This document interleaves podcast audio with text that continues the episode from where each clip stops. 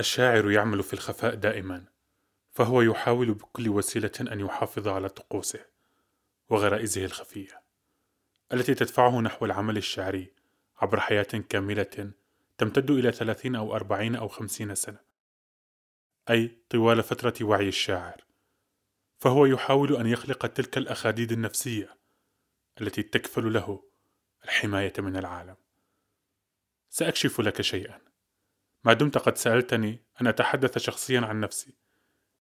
إنني لست كبقية الشعراء وخصوصا شعراء الجيل السابق علي والذين أجلهم كثيرا.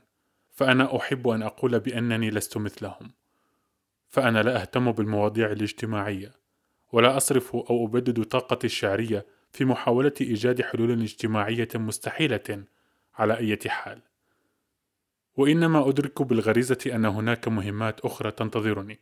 فالصيرورة التي تحدثت عنها نقلا عن دولوز أفهمها وأن هناك نوعا من اللحم يتركب في الذاكرة الشعرية وأن هناك تقنيات وأسرارا وألغازا ومفاهيم وآراء وتجارب ورجالا ونساء وأطفال وشيوخا وموتى وأحياء يستنجدون بك كشاعر في أن تكون صوتا لهم. هذه الأشياء هي التي تهمني وليس أن أكون محللا اجتماعيا له ربطة أنيقة يقف على منصة في مهرجان أو يلقي محاضرة على بعض البائسين عن مسائل ثقافية هي لا تهمهم في النهاية على الإطلاق. فهذه هي الأكذوبة الاجتماعية التي يجب أن يكون الشاعر بعيدا عنها. وبناء على مفهوم بريخت الذي قال في الثلاثينيات وهو أنه ينبغي على الشاعر دائما أن يقف خارج الأسوار ويراقب العالم ويكتب من تلك النقطة حيث يقف. هذا هو مفهومي للكتابة. لذلك لا أدعي أي انتماء إلى الحركة التي تسمى ثقافية في كل البلدان العربية ولا أعتقد أيضا أن ما يهمني هي الثقافة فأنا لست مثقفا بهذا المعنى.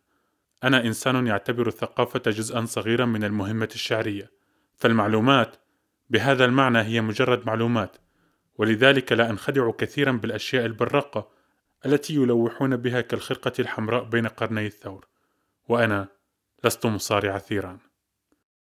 إذا ما فائدة الشعر بهذا المعنى؟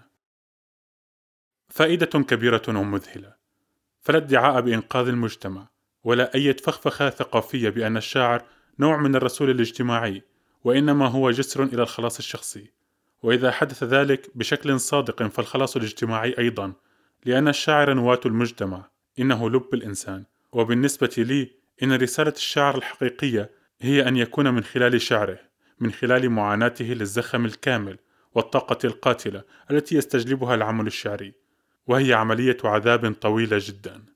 لكنه في النهاية أنجز شيئا واحدا، هو أنه خطى بفكرة الكتابة الشعرية خطوات في المستقبل. أي أنه دفع عجلة الشعر إلى الأمام، وهذه الرسالة الحقيقية للشاعر. إنها رسالة غامضة، ولا أعرف أي شاعر في العالم قد فهم رسالته، إلا ربما في لحظة موته.